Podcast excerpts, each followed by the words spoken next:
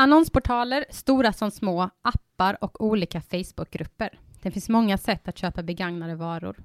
Tyvärr kan det även cirkulera stöldgods på dessa forum, vilket kan bli en dyrköpt affär eftersom lagen om god tro inte längre gäller. Vad ska man tänka på? Vad händer om man råkar köpa stöldgods? Ni lyssnar på Larmtjänstpodden och idag ska vi prata om häleri, god tro och köp på andrahandsmarknaden.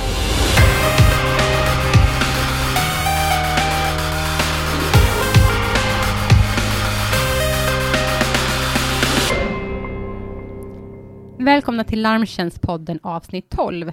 Mitt namn är Åsa Sönneby och jag jobbar på Larmtjänst.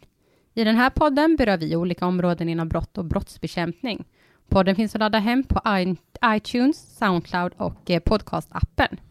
Tycker man att man saknar någonting så kan man mejla till larmtjänstpodden larmtjänst.se. Men nu så kör vi igång med dagens avsnitt och i studion har jag två gäster. Det är Jan-Åke Törnhage från polisen och Peter Sundman från Larmtjänst. Hej på er! Hej, hej! Hej! Om vi kan börja med att låta våra gäster presentera sig. Jan-Åke, kan du kort berätta om vem du är? Ja, jag är en gammal godsspanare, polis sedan 83 och har jobbat med godsspaning, letat stöldgods sedan 1990 och ha bra koll på det här med eh, andrahandsmarknaden och stöldgodset där? Ja, det, något sånär. eh, Peter, du har ju tidigare varit med i podden, men du kan ändå köra en kort presentation om vem du är. Mm. Eh, jag jobbade som polis i 24 år innan jag började som utredare på Trygg Hansa och sen i oktober 2016 så jobbade jag på Larmtjänst som utredare. Perfekt. Eh, Idag ska vi prata om sagt, sagt eh, lagen om god tro, eller när man handlar på mm, andrahandsmarknaden. Vi är ju inne i en period där man till exempel kanske vill köpa en båtmotor, det kanske var en MC, och man börjar leta på andrahandsmarknaden. Eh, om vi bara reder ut begreppet om la lagen om god tro, vad är det? Och den gäller ju inte längre. Eh, ja, man kan väl säga att lagen om god tro är ju en gammal lagstiftning. Sen ändrade man den 2003, första i sjunde 2003. Eh, vi gjorde väl någon form av EU-anpassning där man då i, i dagsläget då inte kan behålla eller få behålla det som då är konstaterat är stöldgods. Mm. Det innebär att man kanske som eh, köpare blir lite mer utsatt.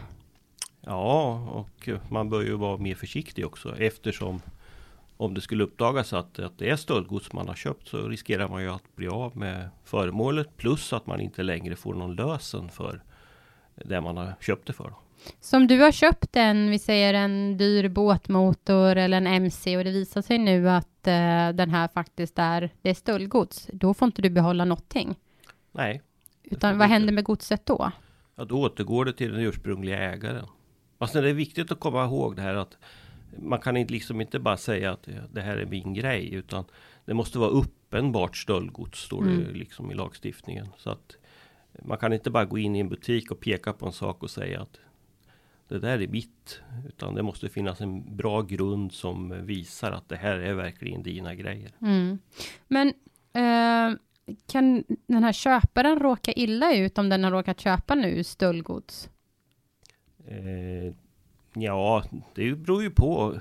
Har man varit i så kallad ond tro, mm. att där man borde ha insett att det här är ett alldeles för bra pris. Eh, den här affären har gjorts upp på en sån konstig plats bakom bensinmacken klockan 12 en natt. Mm. Såna här saker. Det gör ju att då är man inte i god tro längre och då kan man ju då riskera att bli åtalad för häleri. Okej, okay. och vad, vad, vad innebär det, häleri? Ja, häleri är ju också en, en gammal lagstiftning. Häleri är ett gammalt ord som egentligen betyder gömma eller skyla.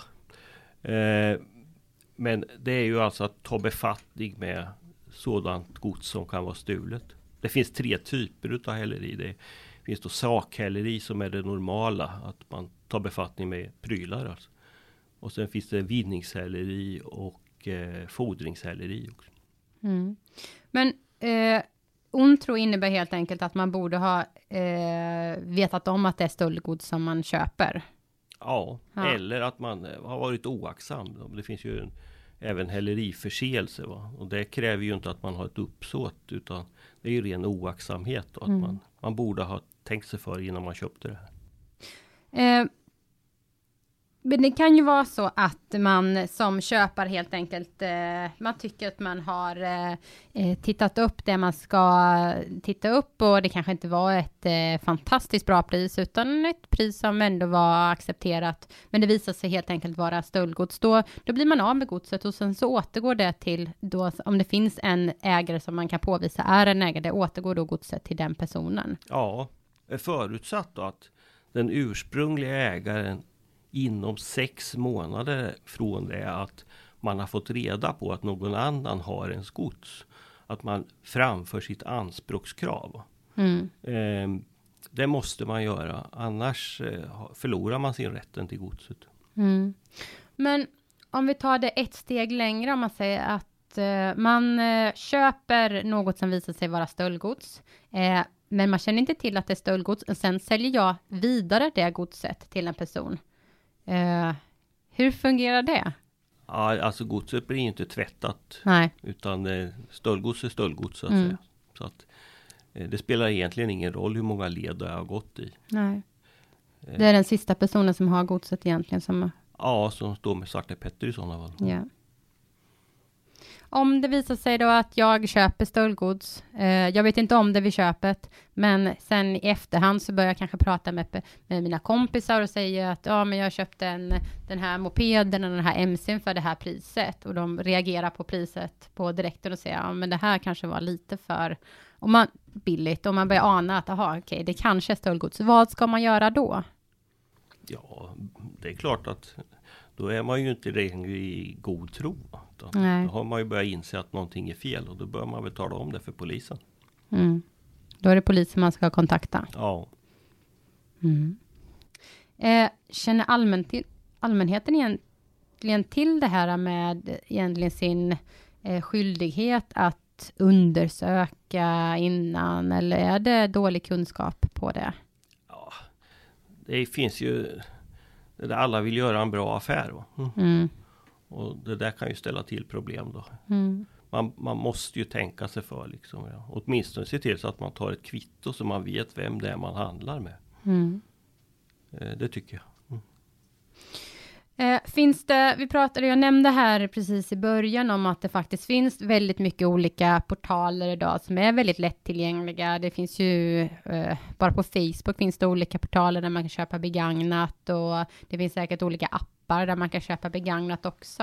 Eh, det kanske är lättare att komma åt den här marknaden idag än vad det var tidigare. Eh, finns det mer, eh, finns det mycket stöldgods på andrahandsmarknaden? Oh ja, det gör det? massor. Ja, okej. Och det har blivit svårare faktiskt att vara godsspanare idag. För med, alltså godset försvinner lätt ut i etern så att säga. Mm. Förut hade vi ju de här uppköparna som köpte upp begagnade grejer som det finns fortfarande en lagstiftning som reglerar de som köper in guld och sånt där. eh, Lagen om handel med begagnade varor och de hade man ett annat kontroll på.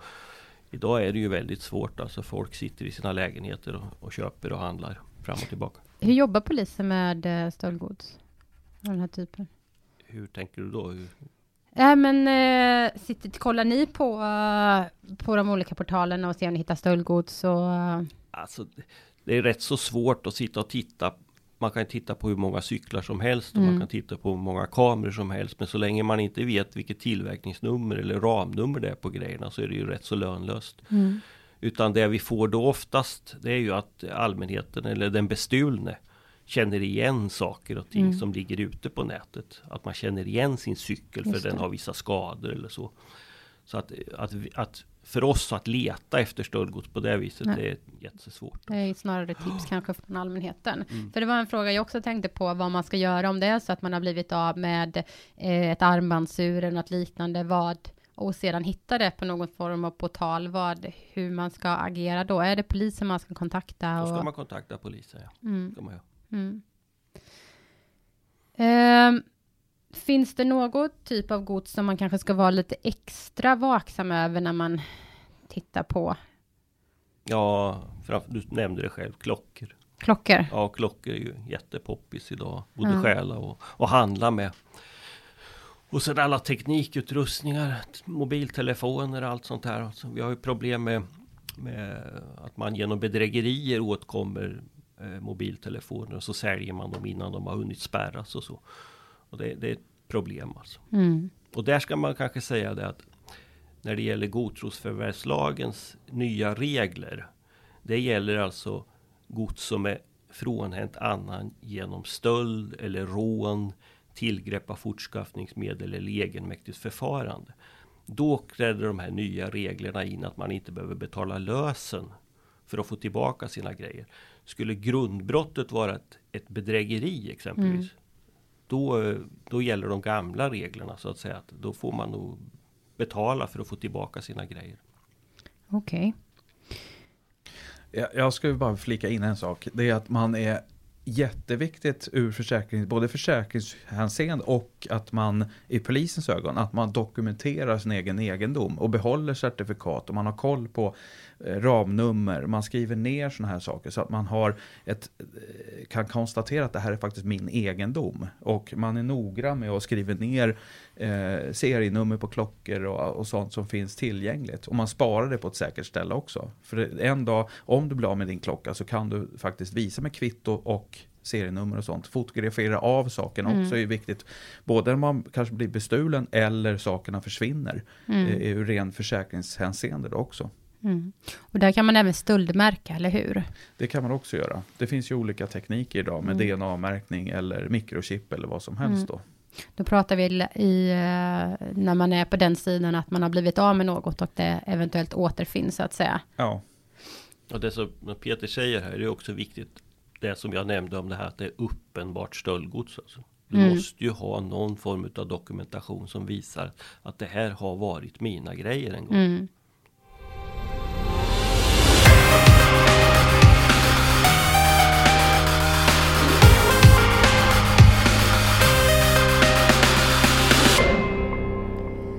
Om vi ska tänka lite på, om vi ska prata om eh, vad man, eh, om vi ska ge lite tips på vägen helt enkelt, när man är ute på den här eh, kanske lite eh, svåra andrahandsmarknaden och ska köpa begagnade varor. Eh, generellt, vad, vad ska man tänka på som köpare?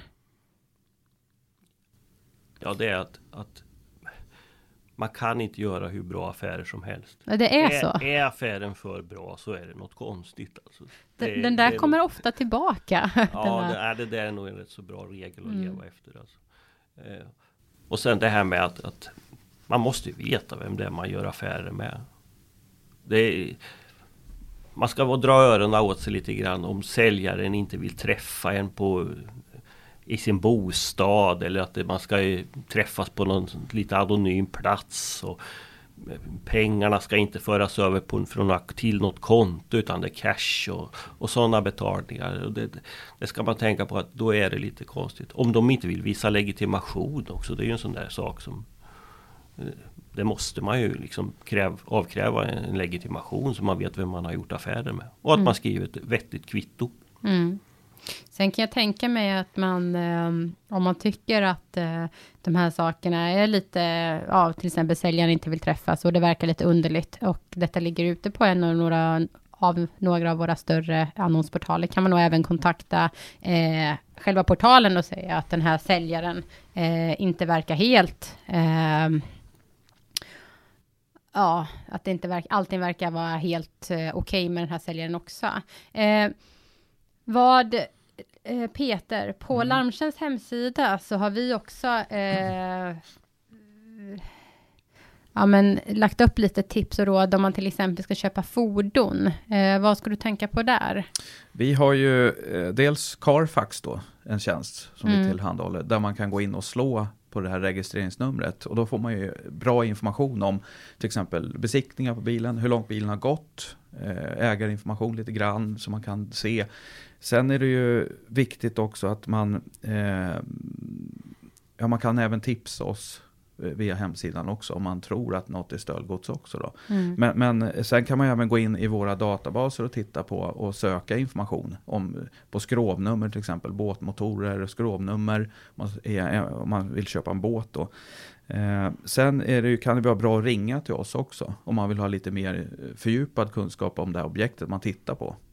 Mm.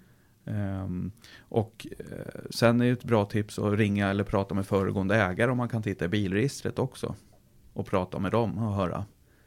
Eh, det finns några specifika tips även på MC. Då är det väl ungefär samma saker som gäller överlag, men det finns några uh saker man kanske, några nummer man ska titta på lite extra där också. Ja, du har ju stansade ramnummer och sånt. Mm. Och det ska man ju se att det ser helt okej ut då. Och är man osäker då så får man ju fråga någon mer kunnig på det också. Mm.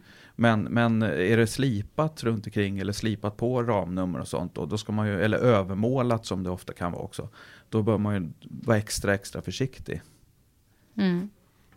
Och sen så jag nämnde nu i, precis i början också av, eh, av podden var att eh, eh, det börjar bli vår. Eh, vi ser ju det här med båtar och båtmotorer. Kanske finns lite specifika tips om man ska köpa begagnad eh, båtmotor där. Det är ju samma, återkomma till att man gör en ordentlig bakgrundskontroll på Mm. det objekt man ska titta på. Mm, Med skrovnummer, motornummer, säljarens namn, personnummer. mm, Eh, och sen samma sak där igen, är priset för bra Mm. så är det ofta för bra för att vara sant då. mm, Och sen så återkommande det här med förskottsbetalningar och sånt då. mm, Och sen ska man även vara vaksam på när det gäller båtar och sånt, att inte båten är behäftad med skulder. Det finns ju hamnavgifter och sånt som kan vara jättedyrt för den nu, nya ägaren då, så om inte man har skött och betalt Mm. den här båten historiskt då, då belastar det nya köparen då. Det följer med båten, så det ska man vara extra noggrann med också kontrollera. Och är man osäker, kan man ju säga också, är man osäker om man tittar på just de här specifika sakerna så kan man ju faktiskt höra av sig till larmtjänst, men också till polisen och eh, ringa in och se om ni har någon information om detta. Ja, det finns ju ett, ett godsregister som man kan Mm. kontrollera saker i. Och där det ligger en mängd olika föremål som då är efterlysta. Mm. Jag tänker cyklar och cykelstölder. Eh, har ni något register på polisen för cyklar? Oh ja. Ja. Alla cyklar som anmäls eh, läggs in i ett register och har man då ramnummer som man anger i sin anmälan, då blir ju cykeln efterlyst. Mm. Så att eh, det finns tusentals cyklar. Så hör av er till polisen om ni är osäkra om det verkar, för att bara kontrollera om det är eh, rätt som ska köpas. Och återigen, där är det jätteviktigt att man har kvar och sparar ramnumret för att dels kunna efterlysa det och att polisen ska få bra underlag att kunna leta cyklar också. Mm. Lite tips och tricks eh, har vi gått igenom här. Finns det något annat vi skulle kunna eh, plocka upp innan vi avslutar eh, det här avsnittet om eh, god tro och överköp i andrahandsmarknaden som vi kanske har missat? Nej, det finns ju ett gammalt uttryck som jag lärde mig av min föregångare och det var att eh, finns det ingen hälare finns det ingen själare brukar man säga. Och det är nog en rätt så bra devis. Ja, perfekt. Det blir de avslutande orden här. Eh, ni har hört Larmtjänstpodden, en podd från Larmtjänst som är en branschorganisation för sakförsäkringsbolagen med syfte att bekämpa försäkringsrelaterad brottslighet. Dagens gäst var Jan-Åke Törnhage och Peter Sundman och jag heter Åsa Sönderby. Ni får gärna dela podden i alla era sociala kanaler och tack för att ni lyssnade så hörs vi igen.